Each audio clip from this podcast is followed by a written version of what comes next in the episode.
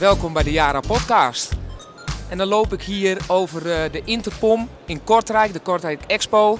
En dan kom ik zomaar, zomaar Pieter de Prijker hier tegen. Pieter, Hey, je hebt eh, hier al eventjes een ronde gemaakt. Wat is je indruk? Ik heb al een toertje gemaakt. Ja, ja hele mooie beurs. eh, hè. Ik, heb, eh, ik, heb- ik was hier nooit eerder. Dus eh, ik ben echt onder de indruk hoe groot eigenlijk de, de aardappelindustrie in, in Vlaanderen is. Hè. Ik was ook wel verrast van, van de Nederlandse kenplaten op de, op de parking hier. Ja. Ik denk dat makkelijk een derde van de wagens hier uit Nederland kwamen. Dus Nederlandse invasie hier ook. Ja, het is een Europese beurs, hè? Dus ja, is ja, een hele grote. absoluut, absoluut. Maar ondanks het feit dat we hier vlak bij de grens van Frankrijk zitten, vind ik de aanwezigheid van de Fransen toch wel heel beperkt, Ja? moet ik zeggen. Ja, ja. Ah, Oké, oké. Nou, maar je hebt eh, voldoende inspiratie opgedaan hier?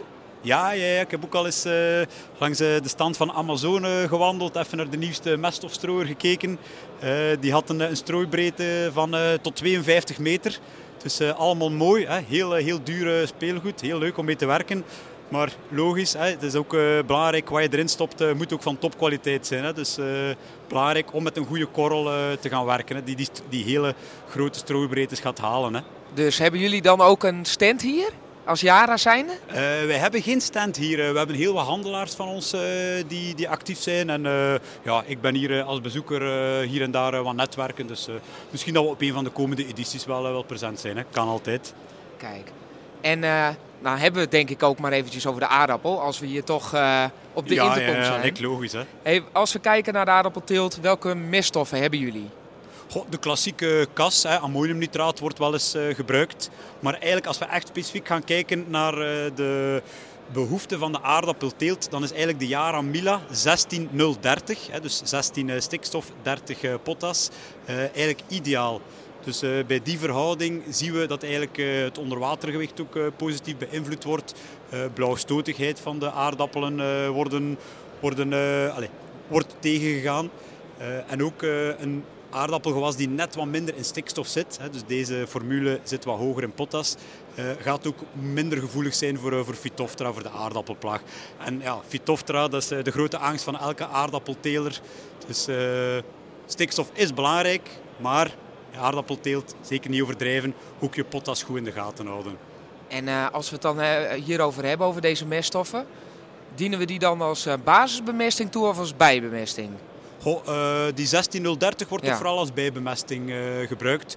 Dus aangezien het eigenlijk een, een, een vrij harde korrel, stevige korrel is, eh, is die echt heel geschikt voor eh, brede strooibreedtes.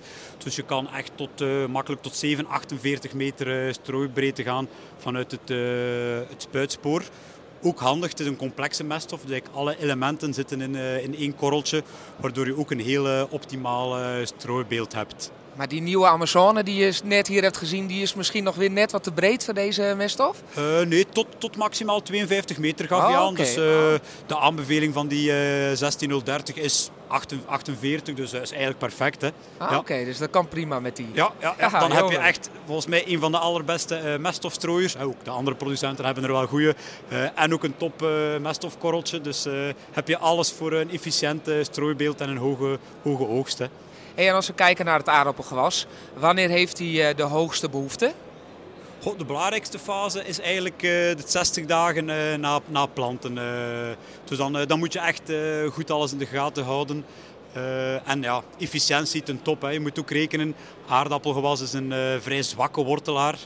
Ehm, dus die 16 eenheden eh, stikstof die in de Yaramila zitten, bevatten eigenlijk eh, de helft nitraat. Dus onmiddellijk eh, plantopneembaar en de helft ammonium. Dus dat is eigenlijk een soort spaarpotje voor, voor kort nadien.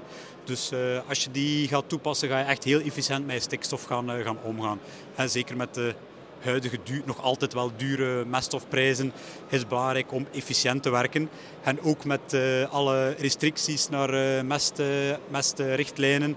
In Vlaanderen komt eh, MAP 7 er nu aan.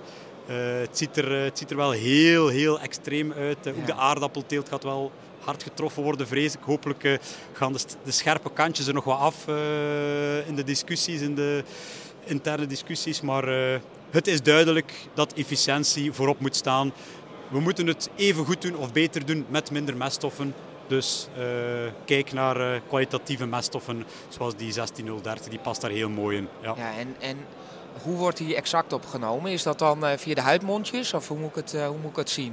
Nee, dus de, de 16030 is een korrel, die wordt via, via de wortel de opgenomen. wortel. Maar we hebben er ook wel één, de Yara Vita Solatrel. Ja? Die kan eigenlijk als, als- bladbemesting toegepast worden. Ja. Ja, dat is een vloeibare variant. Eh, die kan je gewoon mee, eh, mee mengen in de, in de tankmix. Hè? Dus eh, kan je gewoon mee met de, met de, met de pesticiden en gewasbeschermingsmiddelen toepassen. En is eigenlijk vooral gefocust op fosfaat. Want fosfaat en aardappelen, dat is een, allez, dat is een belangrijk huwelijk.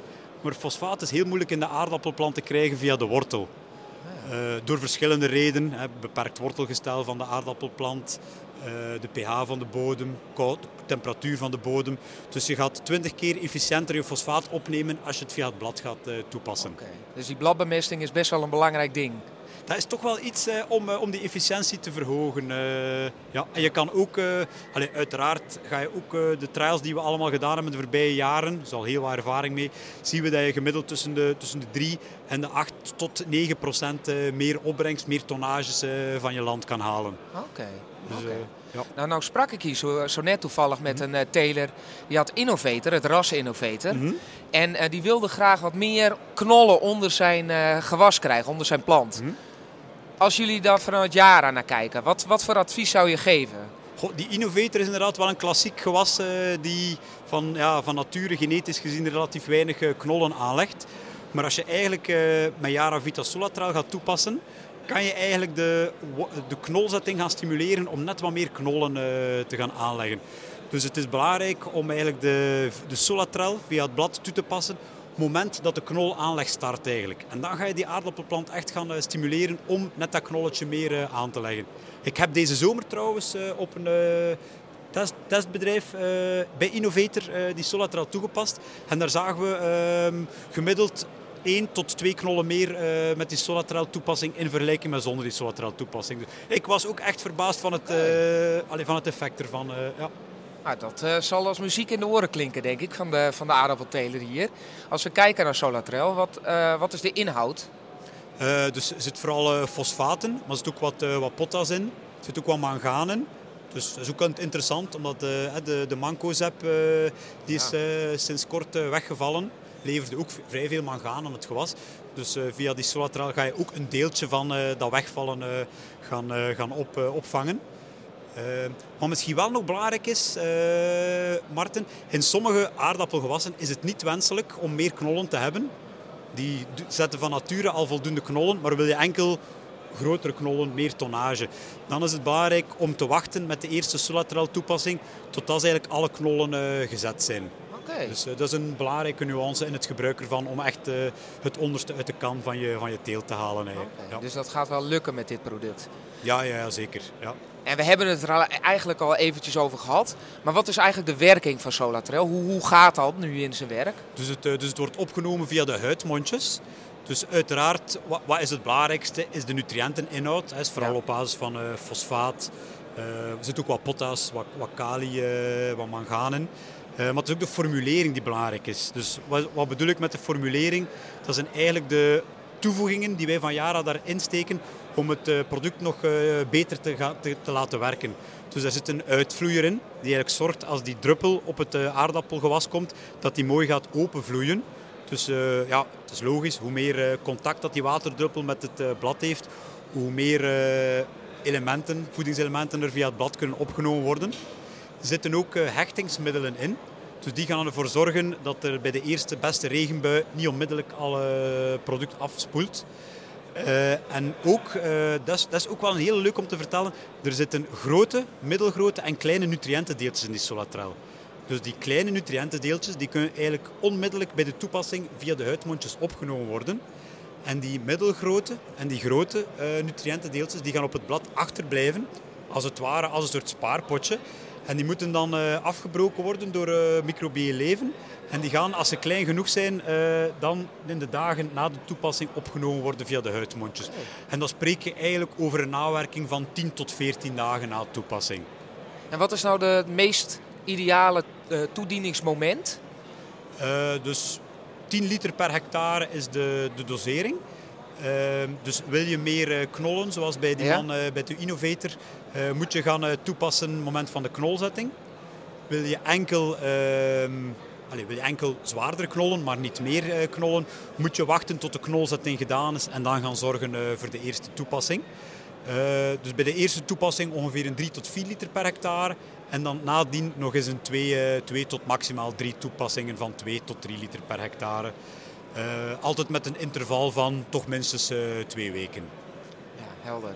Nou ja, we hebben het nu over aardappelen en we hebben hier over die uh, beurs gelopen. Ik neem aan dat jij best wel wat aan het jasje bent getrokken wat betreft de prijzen, denk ik, van kunstmest op dit moment. Of, Het blijft een hot topic. Hè. Gelukkig zijn de prijzen al wat, wat omlaag. Maar ja, als je het vergelijkt met anderhalf jaar geleden, blijven die prijzen wel, wel relatief hoog. Hè. Uh, ja, hè? Iedereen vraagt me, ja Pieter, uh, jij, jij, werkt bij Jara, hè? Moet, moeten we nu kopen, moeten we wachten? Uh, gasprijs is natuurlijk een belangrijk topic of een belangrijke oorzaak van de, gas, van de meststofprijs. als we kijken, deze zomer stond de gasprijs in augustus op 350 euro per megawattuur. Momenteel staat die de laatste weken tussen de 100 en de 125.